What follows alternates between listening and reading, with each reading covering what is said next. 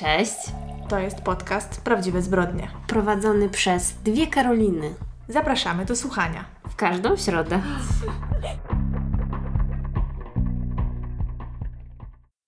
Tym razem nie musimy chyba udawać tutaj takiej naturalności, bo Karolina już w poprzednim odcinku zapowiedziała, że nagrywamy to na raz i dzielimy cały ten materiał na pół, także witamy ponownie. Tak, ja już cała spocona po historii.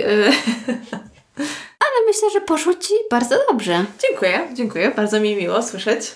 Jestem ciekawa, co Ty dzisiaj dla nas przygotowałaś, ale z tego co wiem, też chciałabyś coś jeszcze powiedzieć w ramach dygresji do tego odcinka. Jeszcze mi się tak przypomniało, że nie rozmawiałyśmy o tym, ale myślę, że musimy to uwiecznić w podcaście i wspomnieć o tym chociaż na sekundę, że nasz wspaniały y, Solpol we Wrocławiu chcą zburzyć. A, to prawda, ja byłam też poruszona, mimo to, że myślę, jak większość osób, nie byłam jakoś specjalnie fanką tego, jak Solpol wygląda, aczkolwiek jest to, jest to część Wrocławia po prostu. Nie wyobrażam sobie, że Solpolu ma tam nie być. On był tam odkąd jestem dzieckiem. Pamiętam, jak poszłam tam kupić kurtkę zimową na zimowisko, będąc taka jakaś mała i tam były pierwsze schody ruchome we Wrocławiu, z tego co pamiętam.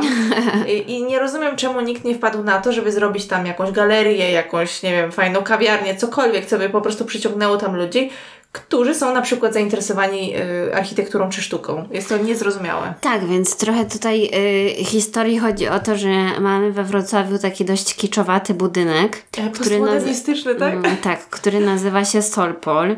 Jest on w centrum miasta, właściwie przy rynku, Tak. tylko w takiej no lekko bocznej uliczce. Ale to jest deptak w zasadzie, to nawet nie jest ulica, no. Tak, tak. No i jest to taki budynek y, historyczny, przynajmniej dla nas, bo właśnie tak jak Karolina mówiła, właściwie istnieje tam praktycznie tyle, ile my żyjemy. I jest bardzo dużo ciekawostek związanych z tym budynkiem, bo na przykład jeżeli pamiętacie taki reality show, który leciał na Polsacie Bar, to on tam się rozgrywał. Nie pamiętasz? To było tam? Naprawdę? No tak. Oj Boże, ja w ogóle kompletnie nie Podziemia. pamiętam tego. A, okej, ja w ogóle, w ogóle jakoś No co ty, przecież to jest jakby takie, wiesz, mega zaleta, że tam ja ten bar się jestem, jestem w szoku, no. no. w ogóle zapomniałam o To tym. znaczy, bo ci ludzie, którzy byli uczestnikami, oni mieszkali gdzieś tam Tak. daleko poza centrum, ale tam przyjeżdżali do pracy, nie? Prowadzili ten, ten bar i tam Tak. były te wszystkie imprezy. E, Więc teraz jest wielka akcja i akurat właśnie w tym tygodniu, kiedy to nagrywamy, działo się dużo różnych takich happeningów, bo wiele osób się zaangażowało w to, żeby ten Solpol tak upamiętnić i robili tam jakieś takie pokojowe demonstracje, ubrani w kolory Solpolu. Widziałam, tak, widziałam, że nawet e, sklep e, wrocławski e, Cindy Vintage, bardzo fajny swoją drogą sklep Vintage, który teraz zmienił lokalizację, jeszcze nie byłam w tej nowej, też właśnie tam właścicielka tego sklepu robiła akcję na swoim Instagramie, żeby się ubierać w solpolowe kolory, to mi się bardzo Tak, i, podobało. I właśnie ja widziałam też chyba na Instagramie, że oni tak jakby taki fashion show zrobili Mhm. wokół tego Solpol. Także wszystko fajnie, a wszystko sprowadza się do tego, że ja zdążyłam zakupić sobie ekologiczną torbę, w sensie tą taką płócienną, Tak, widziałam. bo Muzeum Architektury we Wrocławiu wypuściło właśnie torbę z Solpolem. W ogóle chciałam powiedzieć, że ja jestem zawsze pod wrażeniem Muzeum Architektury we Wrocławiu. Ja mam wrażenie, że oni są bardzo tacy cool. Tak, są cool, zdecydowanie, bo poza tą torbą ja dopiero weszłam na ich sklepik przez torbę z Solpolem, ale zobaczyłam, że oni tak naprawdę mają w ogóle super te torby. Tak, tak, tak. Ja przyznam, że ja no już miałam długą przerwę od tego muzeum, jeżeli chodzi o wizyty. Ale, ale tak, widuję czasami, co tam. No nie, no naprawdę, bardzo, bardzo fajnie to wymyślają. No tak więc ym, myślałam, że będziemy teraz takie wrocławianki intelektualistki tej dygresji. Nie, wspaniale. Znaczy, dobrze, że o tym powiedziałaś. Nie jestem pewna, ale naprawdę mi się wydaje, że ja tam pierwszy raz w życiu uświadczyłam schody ruchome. Takie mam jakieś skojarzenie. Może to nie jest prawda. Nie wiem, ja bym bardziej strzelała, że mogły być w tak zwanym pedecie, czyli renomie. Pedet, tak, tak, tak, no. Mm, Bo właśnie nie wiem, dlaczego wszyscy mówią o tym Solpolu jako o takiej jednostce, jeżeli normalnie vis-a-vis jest Solpol 2. O Tak. nim nic, nikt nic nie mówi. Tylko, że tamten budynek wygląda, cudzysłów, normalnie. Normalnie i, ale No, wciąż jest no, tandetny. Tak. Ale no właśnie, bo ja mam wiele wspomnień z tym Solpol 2, bardziej, ponieważ moja mama miała epizod, że jakby pracowała w tym budynku, więc ja tam bardzo często chodziłam. I tam był był sklep. Nici. Tak, tak, Oczywiście. tak. Boże, ja w tym sklepie Majątek się wydawało. Tak, tak, tak. Znaczy w ogóle samo chodzenie i oglądanie tych rzeczy i planowanie, o co się poprosi na urodziny. Pamiętam, że w podstawówce chyba wszystkie dziewczynki miały obsesję na punkcie. Tam była żyrafka, zeberka, coś tam. Akurat była taka kolekcja, pamiętam jak byłam w trzeciej, czwartej klasie podstawówki, czy drugiej, trzeciej, już nie pamiętam, że była taka kolekcja właśnie takich e, zwierząt w stylu żyrafa, zebra. Tak, tak. e, tak, tak. Ja do tej pory mam ten portfel w zebrę. Oczywiście, ja nie wiem, ale mam nadzieję, że gdzieś jeszcze jest e, moja torba w panterkę. Ja byłam panterką. Mhm. No i właśnie ja lubiłam zebrę. Jeszcze potem były te owieczki. No i oczywiście Didl. Tak, tak. Pamiętam jak e, kiedyś moja wspaniała nauczycielka niemieckiego, z którą miałam zajęcia dodatkowe, jak byłam w podstawówce, to dała mi kiedyś w prezencie takiego malutkiego didla i to był po prostu najlepszy dzień mojego życia. Mm, Tylko chciałam powiedzieć... Fajna nauczycielka. Tak. Chciałam powiedzieć, że ja mam moje ulubione wspomnienie z Didlem jest to takie, że na jakieś urodziny w podstawówce to były myślę moje jakieś ósme urodziny, takie, że nie za bardzo jeszcze znaliśmy język angielski. Dostałam kubek z Didla e, z napisem po angielsku najlepszy tata na świecie. Od koleżanki. No. I ja ten kubek mam do tej pory, to znaczy jest u mojej mamy w domu i zawsze jak tam jestem, to z niego piję, a wiesz ile on musi już mieć lat? Z ponad 20. I zawsze tak mi się śmiać chce, bo jest napisane najlepszy tata na świecie, a to Wspaniale. dostałam ja. Także pozdrawiam. Ja pamiętam, od kogo go dostałam. Od mojej koleżanki z podstawówki Agnieszki. Nie wiem, czy słucha ten podcast, ale nie rozmawiałam z nią z 20 lat, także dziękuję Agnieszko. Ten prezent był naprawdę udany, mimo że nie jestem Wspaniała tatą. historia. U mnie w domu właśnie rodzinnym na szybie w kuchni przez długi, długi czas wisiał diddle taki do, do, do szyby przyczepiany, którego kiedyś dostałam i on tam wisiał przez długi czas, a teraz chyba są gdzieś schowane w takim pudełku, gdzie mam właśnie jakieś takie małe maskotki, których nie chcę się pozbyć. No ale tak, to jest cudne wspomnienie rzeczywiście. Ten sklep. A, rozmarzyłam się teraz. Także wszyscy zachęcamy Was, żebyście sobie sprawdzili na Instagramie konto Solpol Posting, bo oni tam rzucają dużo ciekawych rzeczy solpolowych. No i jeżeli nie widzieliście nigdy tej budowli, no to sprawdźcie sobie zdjęcia, bo jest naprawdę unikatowe. I Unikatowe to jest dobre słowo. nie rozumiem, po co takie rzeczy burzyć. No bo jakby po co? Jakby nie można było wykorzystać środka jakby tej budowli, nie? Do czegoś ciekawego. No, tak, tak, ja się z tym zgadzam, zresztą już mówiłam. Ale w ogóle chciałam tylko powiedzieć a propos wspominek yy, i przeszłości, że jestem zawiedziona, że tak mało rekomendacji dostałyśmy filmów i seriali nastoletnich ostatnio. A, praktycznie zero. No właśnie, tam było kilka osób, które podzieliło się, yy, czy na przykład oglądały to, o czym mówiłyśmy, albo jakieś tam swoje Jezioro Marzeń na przykład, pozdrawiamy. Yy, zresztą, które jest na Netflixie swoją Tak, drogą tak, chyba. tak, no. Ja też próbowałam do tego wrócić jakiś czas temu, ale no nie, to było za, za mocne. Ale kochani, co jest? A propos tego, miałam właśnie powiedzieć, bo o Jeziorze Marzeń ostatnio słyszałam w podcaście i to się wiąże z moją rekomendacją serialową, czyli to One Tree Hill Pogoda na miłość.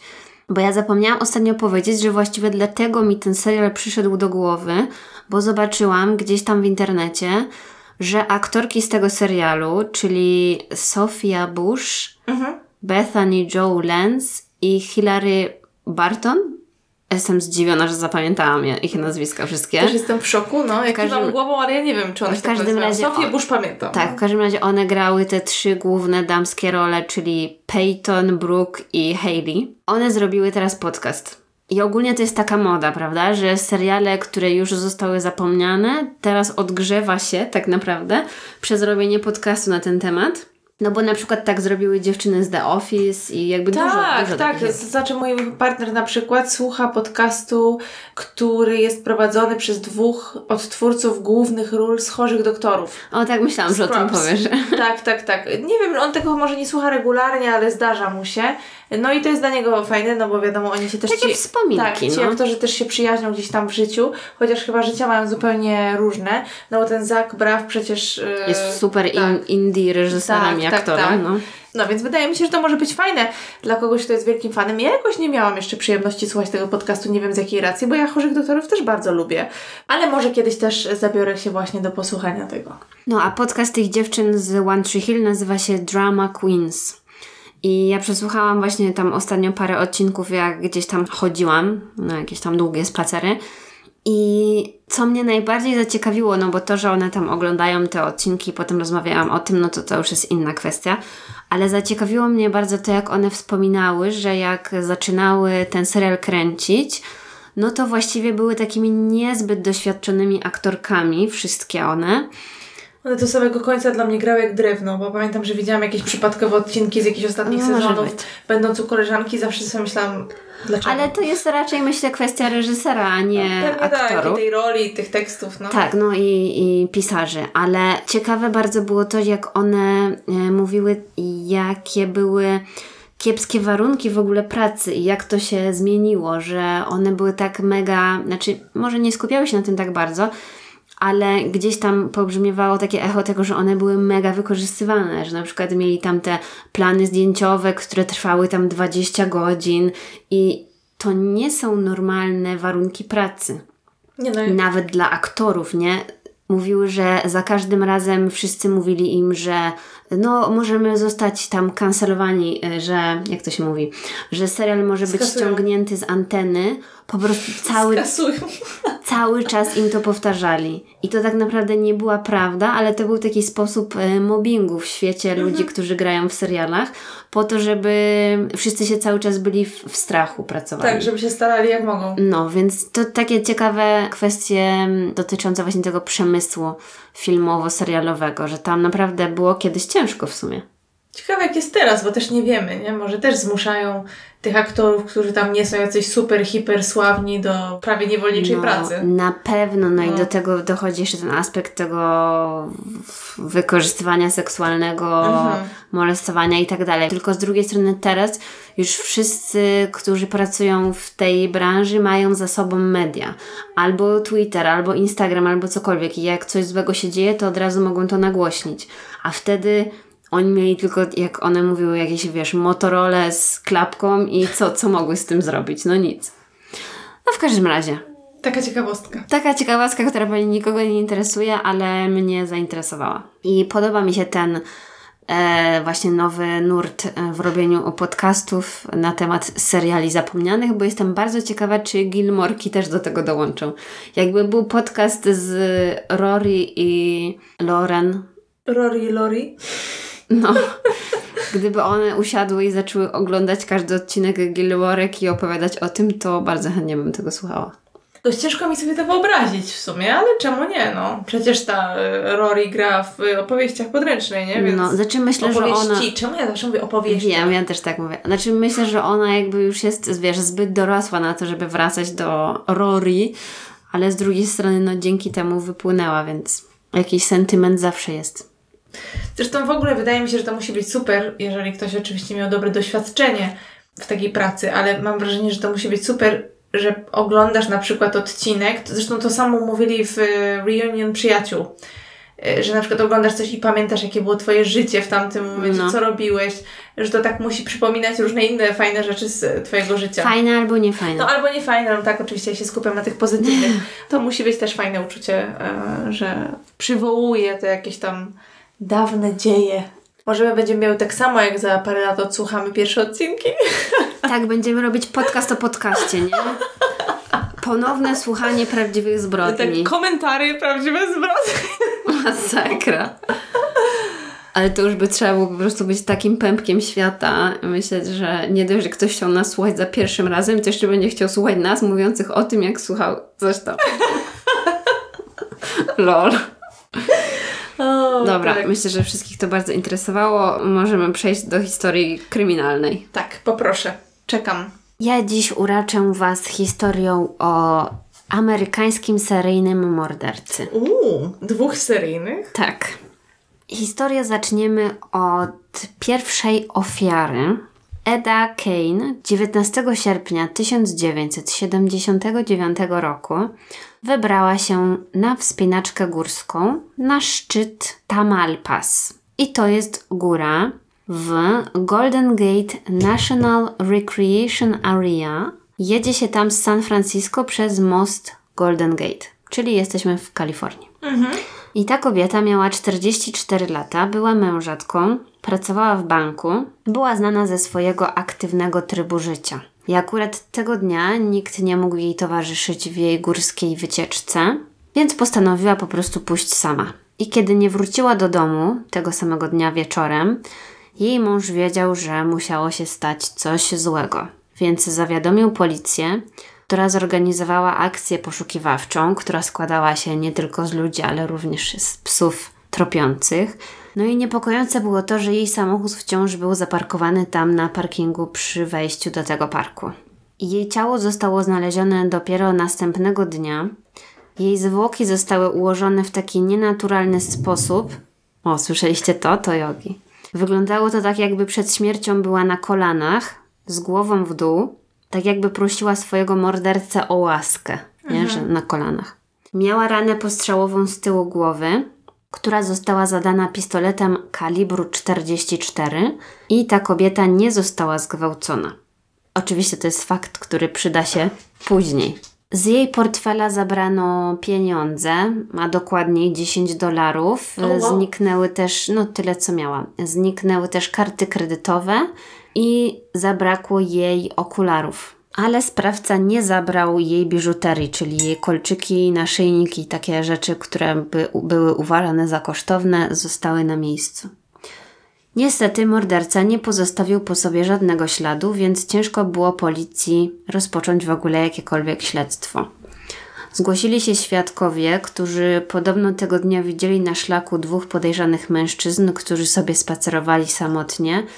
Jeden podejrzany mężczyzna miał blond włosy i po prostu zachowywał się dziwnie, a drugi mężczyzna miał podobno na sobie granatową kurtkę, którą zasłaniał twarz co było też dość dziwne, bo wtedy było gorąco, więc na pewno nie potrzebował mieć jakiegoś tam kaptura czy czegoś. No i ten mężczyzna mógł mieć jakieś 35 lat, z tego co mówili świadkowie. To było pierwsze tego typu zabójstwo na szlaku góry Tamalpas, ale niestety nie ostatnie.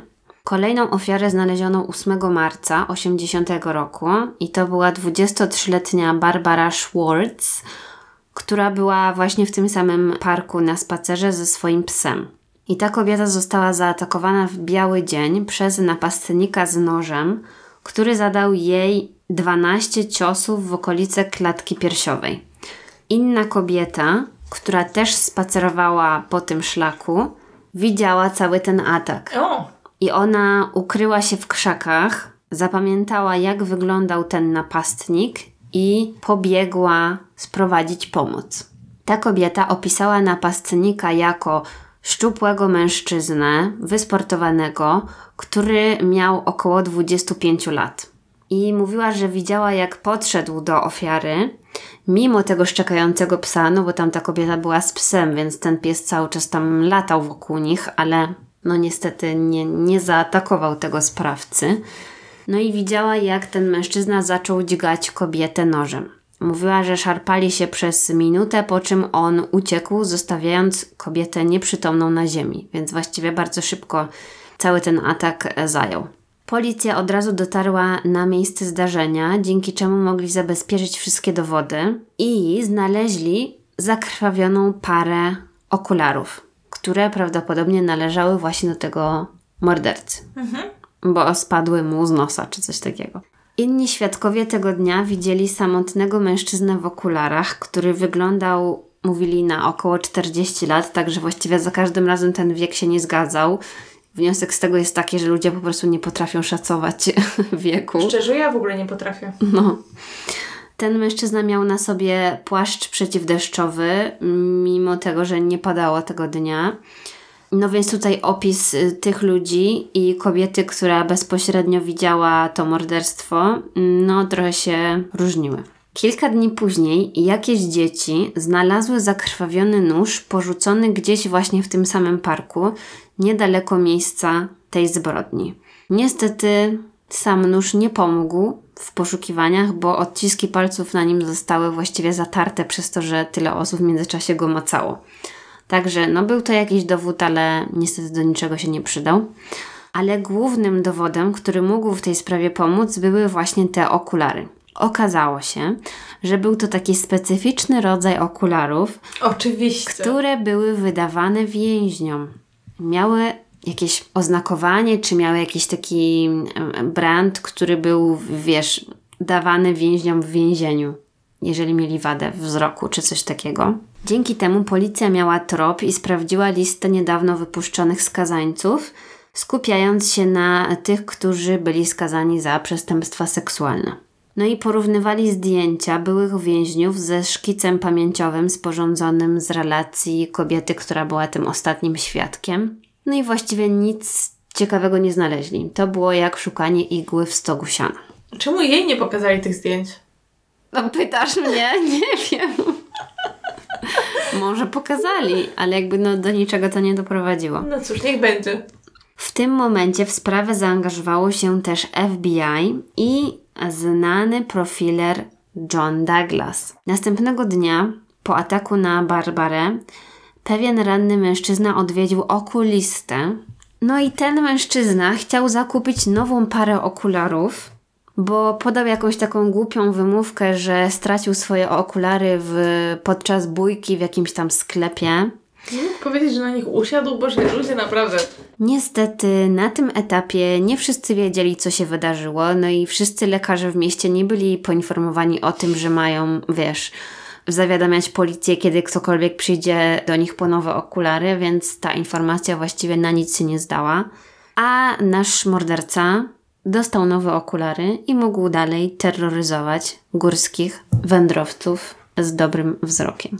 No i do tej pory wieść się też rozniosła po okolicy, że na szlaku grasuje morderca, więc ludzie podzielili się na takie grupki. Niektórzy po prostu unikali tamtego terenu, a z drugiej strony inne osoby też, y, jak to się działo na przestrzeni paru miesięcy, no to na pewno nie chciały porzucać swojego stylu życia tylko dlatego, że ktoś tam grasuje, więc no siłą rzeczy pojawiły się nowe ofiary. No tak, bo to człowiek zawsze ma takie poczucie, tak samo jak my opowiadając te historie, że a, tam mi się to nigdy nie zdarzy, nie? No właśnie. Ale znowu minęło około pół roku, zanim nastąpił kolejny atak. Tym razem ofiarą była biegaczka. To była 26-letnia Ann Alderson, która należała do korpusu pokoju. I ta kobieta była widziana przez parę osób 15 października, a jeden mężczyzna, który pracował tam w tym parku krajobrazowym, podobno widział ją, jak siedzi na amfiteatrze. No było po prostu takie miejsce w parku, nie? Ze, ze sceną i siedzonkami. Widział, jak ona tam siedzi przy zachodzie słońca i tak jakby, no wyglądała tak jakby medytowała. No i podobno ten mężczyzna miał taką myśl, że powinien do niej podejść i powiedzieć jej, że to jest trochę niebezpieczne, żeby sama tak siedziała tutaj po zmroku, ale potem stwierdził, jakby opowiadając to, czuję taki absurd, bo on na pewno coś takiego powiedział dziennikarzom albo komuś takiemu i chciał się wybielić, nie? No ale on twierdził, że jednak jak tak podszedł do niej, to stwierdził, że ona jest taka zamyślona, że nie chciał jej przeszkadzać. Ale wiesz, nie zdziwiłabym się, jakby to była prawda, że wiesz, nawet nie, nie wiem, nie pomyślał coś, ten zobaczył, no, no typka medytuje, poszedł dalej, prawda? No nie mówię, że to było fajne, ale No, w każdym razie stwierdził, że nie chciał jej przeszkadzać i zostawił ją tam samą, no i oczywiście to był ostatni raz, kiedy ona była widziana. Tego dnia świadkowie również widzieli gdzieś tam w tym parku samotnego mężczyznę, ale no też nie ma co się oszukiwać, jakby samotny mężczyzna w parku to nie jest jeszcze nic tak dramatycznego. No może można widzieć po prostu setki, prawda? No może zależy na, jakiej tam, na jakim terenie. w jakim parku? No, ale można widzieć wielu samotnych mężczyzn, którzy sobie spacerują po parku i to jeszcze nie jest zbrodnia. Więc to też nie był jakiś taki super trop. Niestety, Ann Alderson została znaleziona martwa z raną postrzałową w głowie i ona została zgwałcona. I po tym zgwałceniu musiała zostać ponownie ubrana. Ułożenie jej ciała przypominało właśnie tą pierwszą ofiarę Edę, bo musiała przed śmiercią zostać zmuszona do klęczenia, czyli też była pozostawiona w takiej nienaturalnej pozycji. Niestety, ten niezidentyfikowany morderca pozwalał sobie na coraz więcej i w listopadzie znaleziono cztery nowe ciała. Ofiary musiały zostać zamordowane na przestrzeni ostatnich paru tygodni. Pierwszą znalezioną ofiarą była kobieta Shona May i ona miała spotkać się z przyjaciółmi 28 listopada w innym miejscu. To miejsce się nazywało Point Reyes National Seashore Park, ale to było w dalszym ciągu na tym takim zielonym terenie na wybrzeżu przy San Francisco w Kalifornii, tylko troszeczkę dalej. No i kiedy ona nie pojawiła się na tym spotkaniu ze znajomymi, no to ci znajomi zaniepokoili się i zawiadomili straż, która po tym parku chodziła. Mhm. Dopiero po dwóch dniach znaleźli jej ciało. Jej ciało było nagie. Została skrępowana jakimś drutem i trzykrotnie postrzelona w głowę. I jej zwłoki zostały wrzucone do płytkiego rowu. Trzykrotnie? Tak. Jej autopsja później wykazała, że została również zgwałcona. No i tuż obok jej ciała leżało ciało drugiej kobiety, która miała 22 lata, nazywała się Diana O'Connell i ona również zaginęła podczas wędrówki z znajomymi. I to jest strasznie dziwne, bo jedna jej znajoma osoba szła przed nią, druga znajoma osoba szła za nią, więc ona właściwie była pomiędzy, a i tak zdążyła się gdzieś zgubić. Więc nie wiem po prostu, jak ten sprawca ją tak zaciągnął w bok, czy co. Czy po prostu może ona stwierdziła, że nie wiem, idzie się wysikać w krzaki, czy coś takiego. Bo ci znajomi powiedzieli, że kompletnie nie zauważyli, kiedy ona zniknęła. No ale jak już zeszli na dół, no to zorientowali się, że jej po prostu jej nie ma. I obie te ofiary leżały twarzą w dół, i Diana była postrzelona tylko raz w głowę i musiała zostać zamordowana w tym samym czasie co Shona, bo z kolei inny turysta, który tamtędy się przechadzał tego dnia, powiedział policji, że słyszał w pewnym momencie cztery strzały. Więc to by się zgadzało, bo trzy dostała jedna, a jeden strzał dostała druga. Mhm. Więc tutaj można wysnuć taki wniosek, że morderca jedną kobietę zaatakował, a druga po prostu się napatoczyła.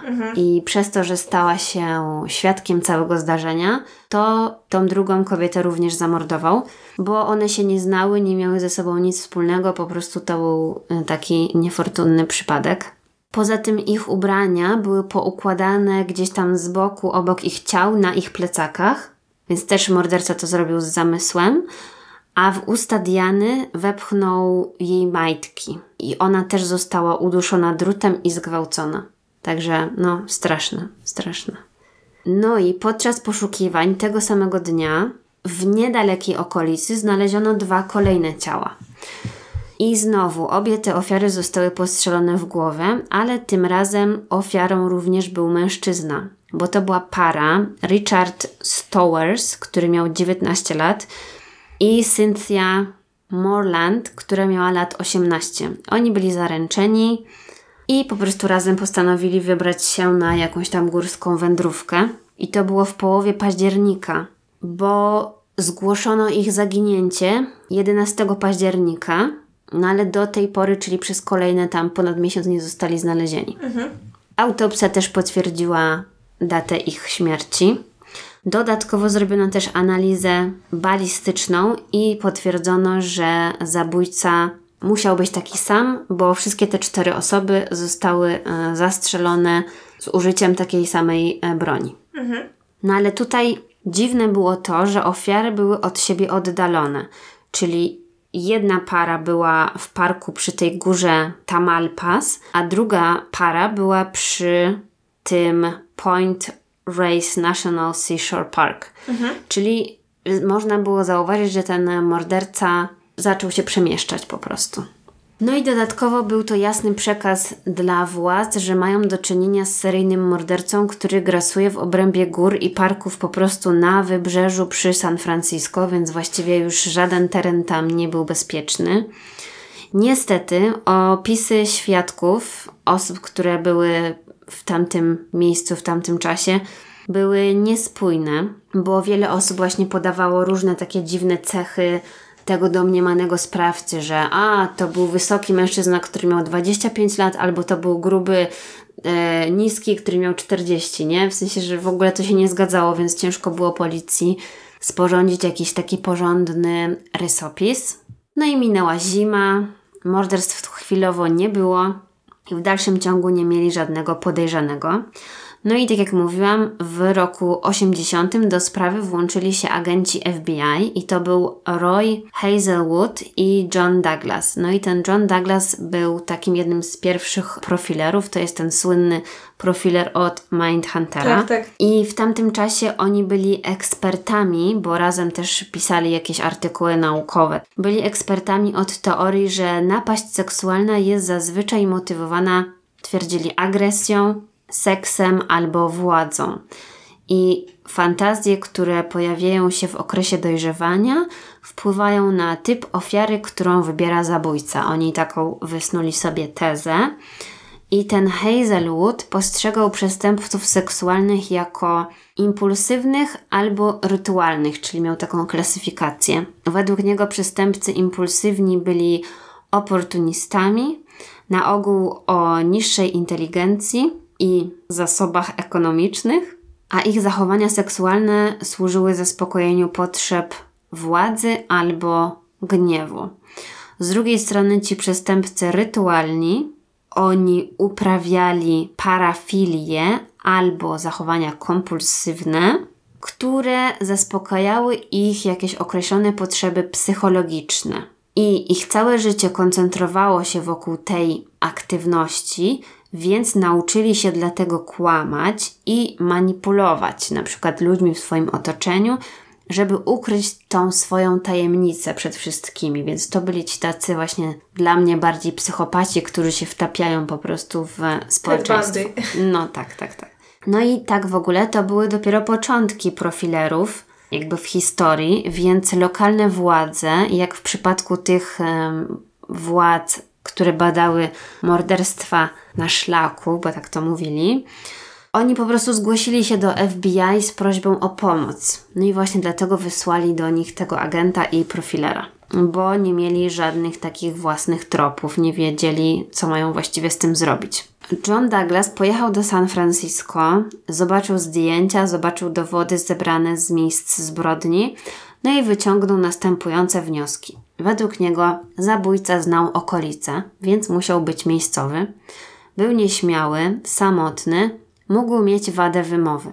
Był niepewny siebie w sytuacjach społecznych, wybierał ofiary oportunistycznie, nie miał swojego typu ofiary, był biały, inteligentny, był pracownikiem fizycznym i spędził trochę czasu w więzieniu.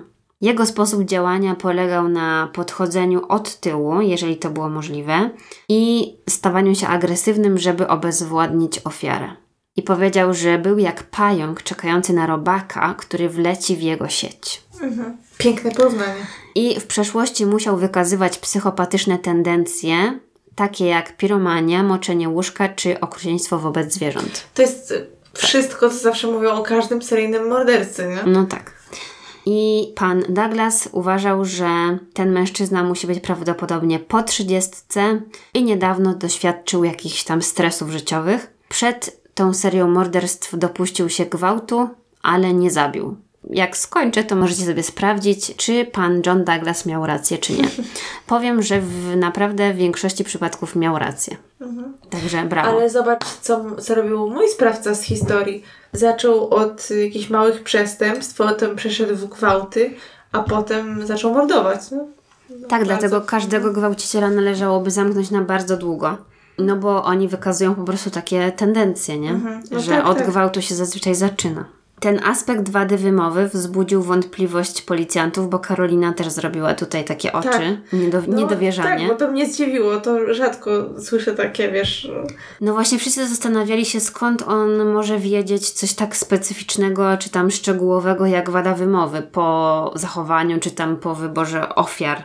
No i ten pan Douglas wyjaśnił, że wskazuje na to odosobnione miejsce zabójstw, sposób podejścia do ofiar, no i fakt, że ten sprawca nie zaczepiał swoich ofiar na przykład w centrum miasta, tylko to były takie sytuacje typu zwabienie bardziej. No bo jeżeli są na szlaku, gdzieś tam na łonie natury, no to to jest zupełnie inna sytuacja niż, nie wiem, tam zaczepienie kogoś w centrum handlowym. No i niby na tej podstawie wyciągnął wniosek, że może być coś nie tak z jego jakąś tam aparycją czy sposobem wypowiadania się. I może dlatego miał taki kompleks, że nie zagadywał do ludzi w większej grupie ludzi, Rozumiem. tylko na osobności. I właśnie to według tego profilera wykazywało na nieśmiałość albo wstyd, jaki ten sprawca musiał odczuwać. I y, obezwładnienie kogoś musiało dawać mu jakieś poczucie rekompensaty za tą jego ułomność. To wszystko były bardzo ciekawe tropy, ale stałyby się pomocne dopiero, gdy mieliby grupę podejrzanych. A znowu to było szukanie igły w stogu siana, więc tak naprawdę ten profiler na ten moment im się nie przydał. Więc podziękowali mu i Nara. wypowiedział się, ale to nie zatrzymało tego mordercy, bo zaatakował ponownie. Jesteśmy teraz w marcu 81 roku, czyli te morderstwa na szlaku trwają już prawie dwa lata. I sprawca zaatakował znowu w innym parku, który nazywał się Henry Cowell Redwoods State Park, ale w dalszym ciągu to było na tym wybrzeżu przy San Francisco. Sprawca zaatakował znowu parę. To była Ellen Hansen i Steven Hartle. Oni byli studentami, którzy wybrali się znowu na pieszą wycieczkę 29 marca 81 roku. Dlaczego znowu tam poleźli na pierwszą wycieczkę? No, ale tak jak mówię, to był bardzo duży teren. No wiem. Em, więc no wiesz, to był jeden Nie jest właśnie... oczywiście nie ich wina, że ktoś tam czyhał, absolutnie. To jest wina tego sprawcy, no tylko... No, ale to zależy wszystko od charakteru ludzi, prawda? No ja bym na pewno się zamknęła w domu na trzy spusty i w ogóle nie wychodziła, gdyby ktoś w okolicy grasował, no ale to nie znaczy, że wszyscy ludzie mają Tak, się no, zamykać. jest ta tendencja do racjonalizowania, prawda? Troszeczkę, więc no rozumiem, rozumiem. Po prostu tak słuchając tej historii z perspektywy czasu, wiadomo, że człowiek jest mądry. Tak, poza tym tak naprawdę on atakował tak raz na pół roku, No więc w sumie to nie Ciężko było, było. tak, że Mhm. codziennie. Ale tutaj mamy taką niespodziankę, że mężczyzna przeżył ten atak. Mm. Cudem. I dzięki temu, że przeżył, to opowiedział, co się stało. Powiedział, że mężczyzna w złotej kurtce podszedł do nich z pistoletem w ręku i groził tą bronią i powiedział, że on chce tylko zgwałcić Ellen. Tylko. I, I żeby jakby pozwolili mu na to, nie? I że wszystko będzie dobrze. No ale oczywiście oni się na to nie zgodzili, w szczególności ten e, Steven, no, chciał raczej walczyć o bezpieczeństwo swojej dziewczyny, więc wynikła z tego jakaś tam szamotanina i sprawca w efekcie zastrzelił Ellen, oddając w jej kierunku dwa strzały w głowę i jeden w ramię, więc ona zginęła na miejscu. Z kolei Steven dostał jeden strzał w okolice szyi, ale ta kula przeszła jakoś na wylot, dzięki czemu udało mu się przeżyć. Miał trudności z mówieniem oczywiście, ale ze wszystkich sił chciał pomóc policji. Ostatecznie tam na miejscu znaleźli go jacyś inni przechodnie, pomogli mu, wezwali pomoc, no i Jakie to szczęście, że ktoś na niego trafił. więc ten mężczyzna, Steven, powiedział policji, że ten sprawca miał krzywe, żółte zęby, to zapamiętał, że miał około 50 lat i był łysiejący. No, kolejny inny wiek, nie? Co tu się dzieje? Może ci ludzie wszyscy potrzebują okularów, bo widzę, że... Chyba tak. No. Miał plecak i nosił ciemne okulary i właśnie miał tą złotą kurtkę, o której już chyba wcześniej mówiłam, i czapkę z daszkiem. Jak on wiedział, że on jest łysiejący, jak miał czapkę z daszkiem? Nie wiem. Może spadła mu ta czapka, no nie wiem, tak no tak, no w powiedział. sumie się szamotali, no. I co ciekawe, on powiedział, że ten mężczyzna mówił szybkim, rozkazującym tonem, więc to by nie wskazywało na wadę wymowy, prawda? Oszacował też, że miał jakieś 1,80 m wzrostu i ważył około 80 kg, więc e, całkiem, myślę, szczegółowo to wszystko zapamiętał. Z kolei inne osoby, które tego dnia spacerowały po parku i też zostały przepytane przez policję, powiedziały, że widziały podobnego mężczyznę. Tylko miał 13 lat. Nie, nie, nie. Uciekającego. Widzieli, że e, wsiadał do samochodu w pośpiechu i to był czerwony samochód. Ktoś tam wspomniał, że być może to była marka Fiat, ale nie są pewni. I ogólnie chyba 7 osób tego dnia zgłosiło się na policję, że takiego właśnie podejrzanego mężczyznę tam w okolicy widział. Śledczym udało się też zdobyć y, odciski butów pozostawione tam w okolicy miejsca zdarzenia. Więc gdyby znaleźli już jakiegoś podejrzanego, no to mogliby sprawdzić e, jego jakby rozmiar stopy, tak, i ewentualnie rodzaj butów, jaki miał na sobie. Zamieścili też portret pamięciowy w kilku gazetach.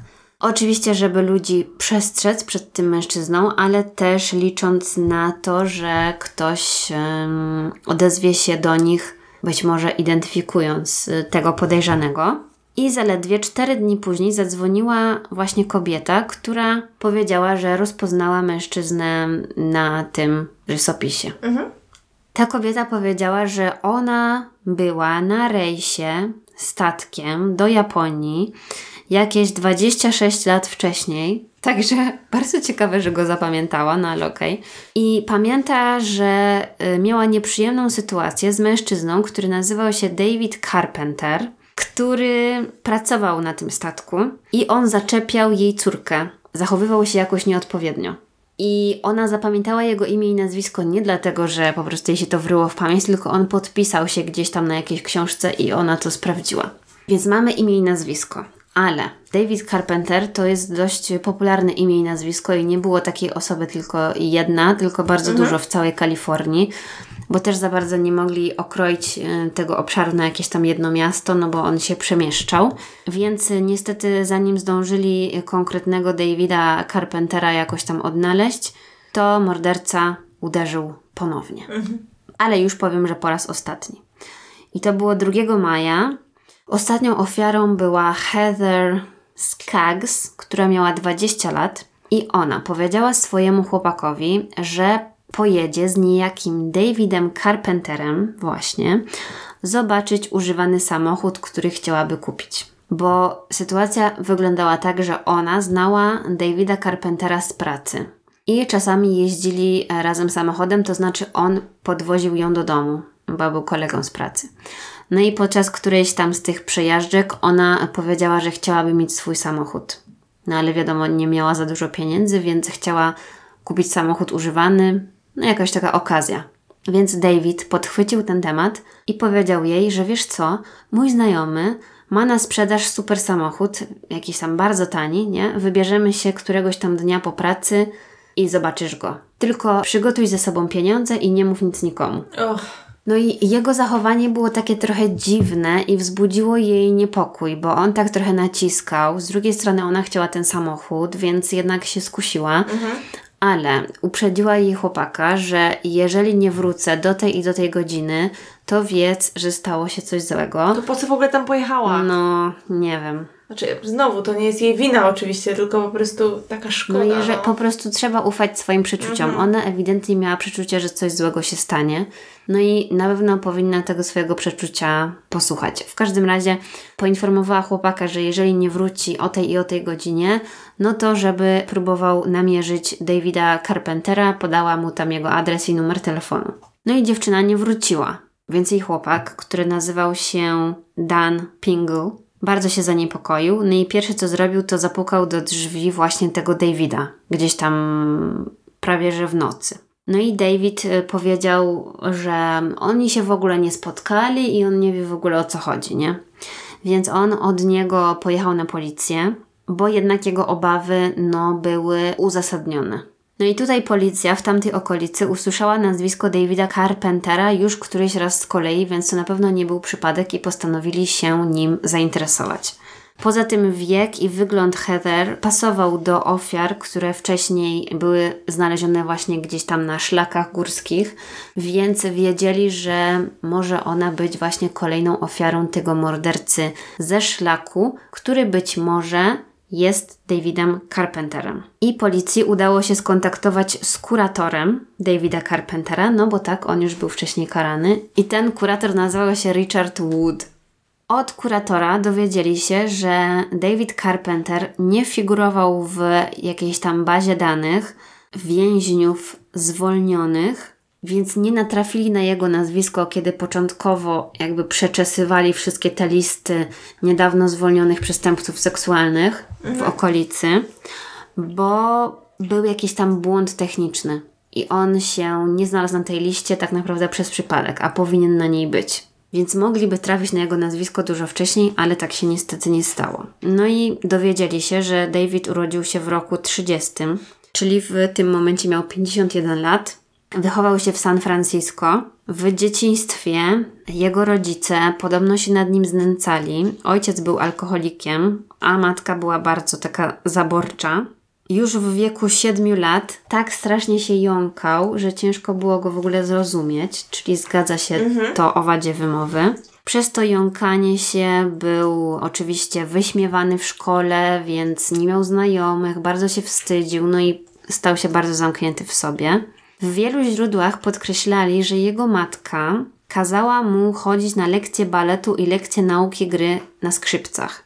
I właśnie w wielu takich przestarzałych źródłach mówili, że są to zajęcia bardzo dziewczęce.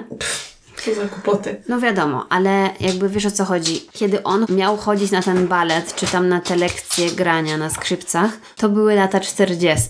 Więc jąkał się, miał dziwne zainteresowania, więc tym bardziej był wyśmiewany y, wśród jakichś tam dzieciaków w szkole, co powodowało, że miał jeszcze większe kompleksy. Do późnego wieku też moczył łóżko, co też wskazywał profiler FBI i znęcał się nad zwierzętami. Więc póki co wszystko się zgadza.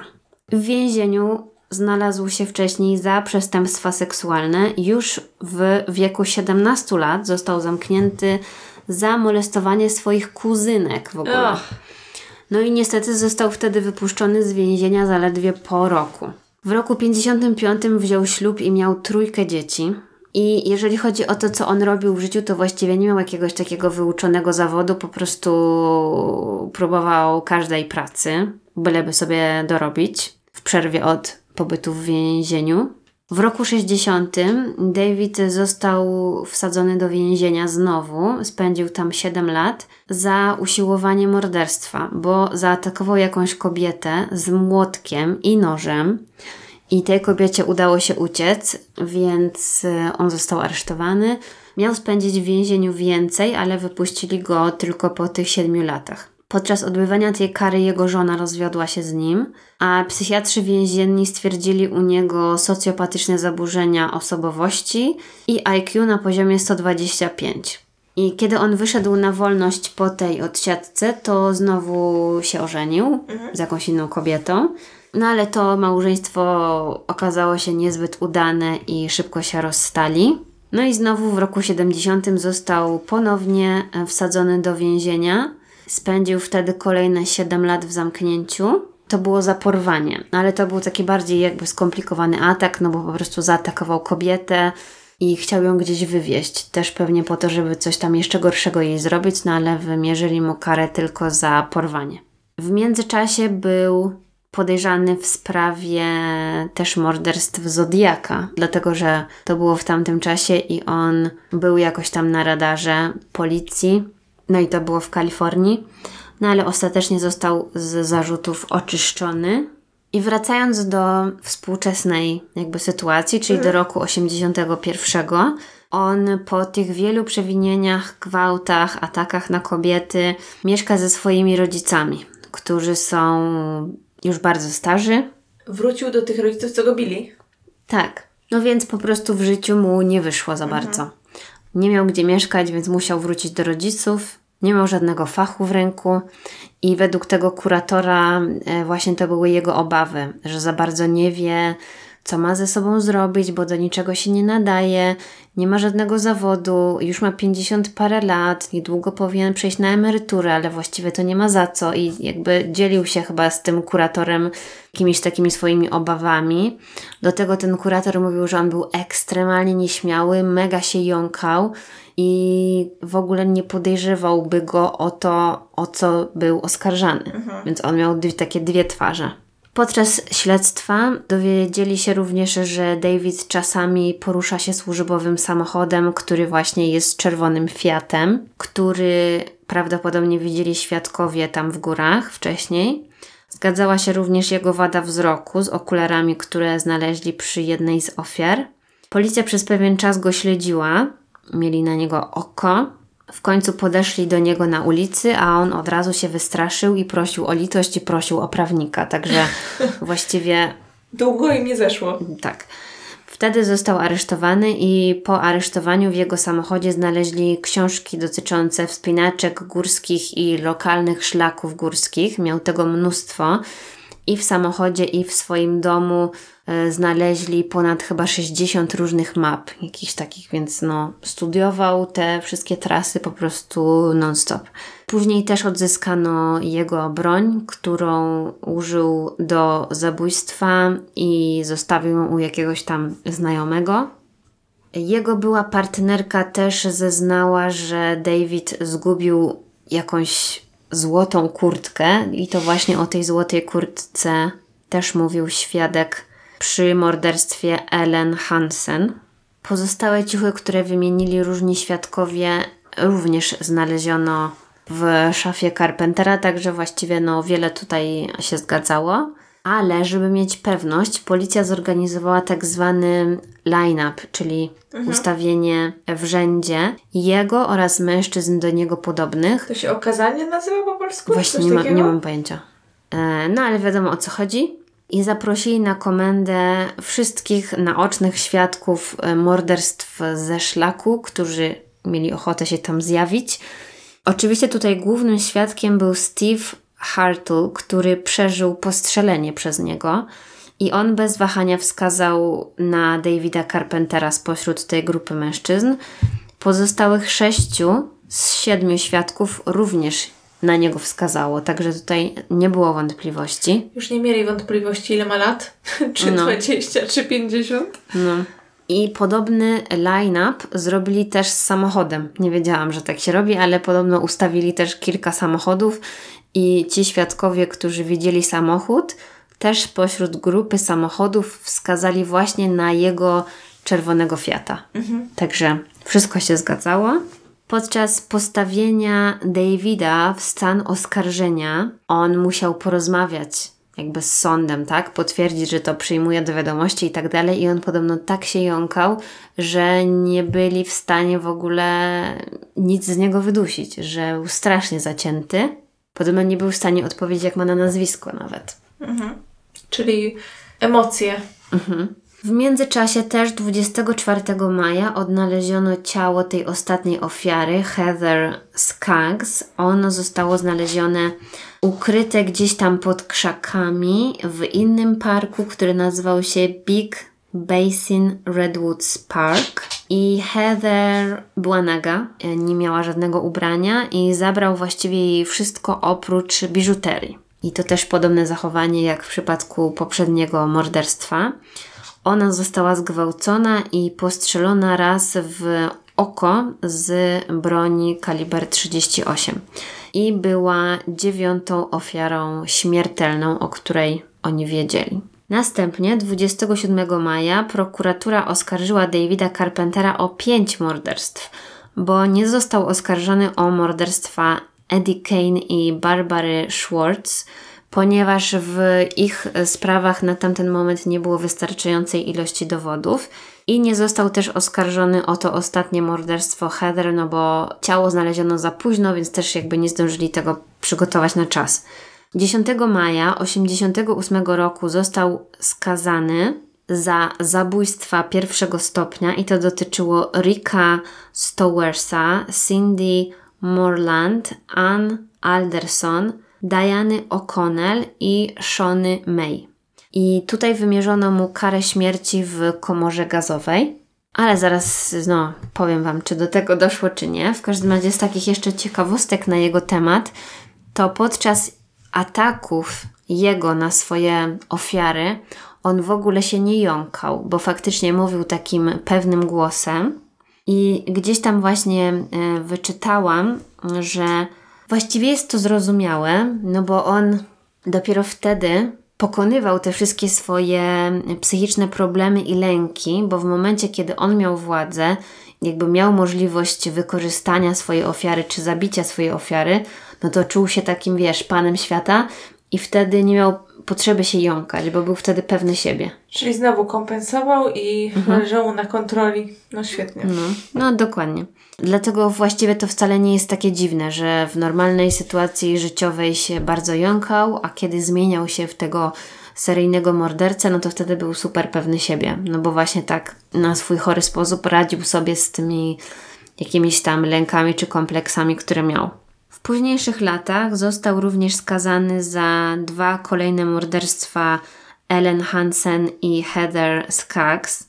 Dodatkowo też dostał karę za usiłowanie zabójstwa Stevena i usiłowanie gwałtu na Ellen i gwałtu na Heather, czyli tak jakby już dowalili mu za wszystkie możliwe zbrodnie, które popełnił.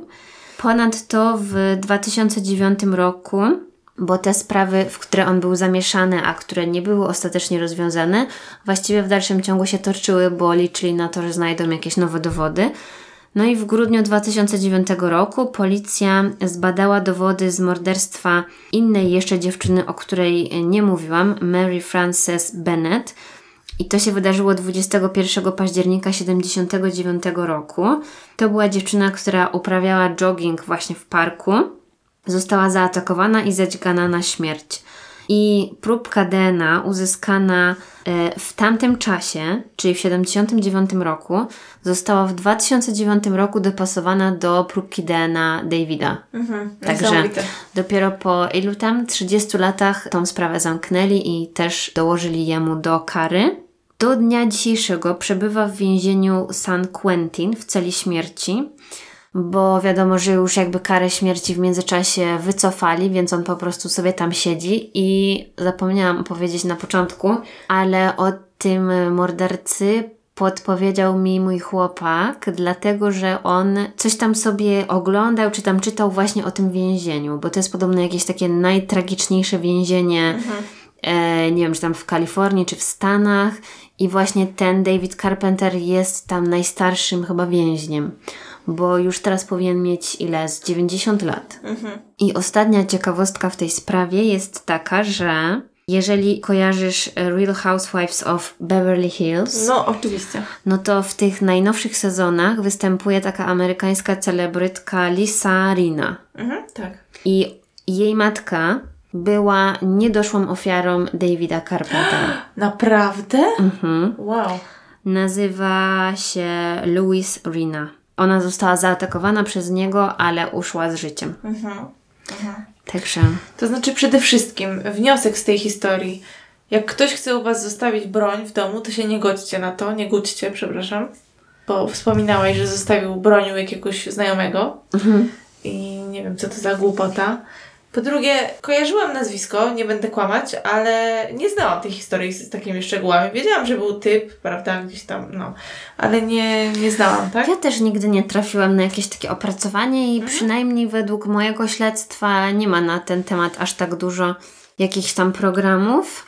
Więc dziwne, no znany jest pod pseudonimem właśnie po polsku mordercy na szlaku, czy tam ze szlaku. No wiadomo, to jest najbardziej przerażające, że ludzie sobie wychodzili w biały dzień po prostu pospacerować po górach i ginęli.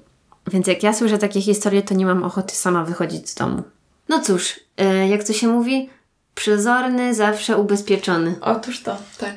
Co prawda nie ma życia, ale jest ubezpieczony. Także, Ale czy żeby żyć, trzeba się szlajać po ciemku po parku? no co kto lubi. No, no w zasadzie tak, w zasadzie tak. No nieważne. Także mamy nadzieję, że Wy podczas swoich górskich wycieczek będziecie bezpieczni Tak, najlepiej chodźcie w grupach. i usłyszymy się za tydzień, kiedy ja, Karolina, zakończę moje wczasy. Tak. Yy, No i właśnie, w kolejnym tygodniu już odcinek chyba będzie normalny, tak sądzimy, ale zobaczymy. Więc yy, dziękujemy bardzo i do usłyszenia. Do usłyszenia.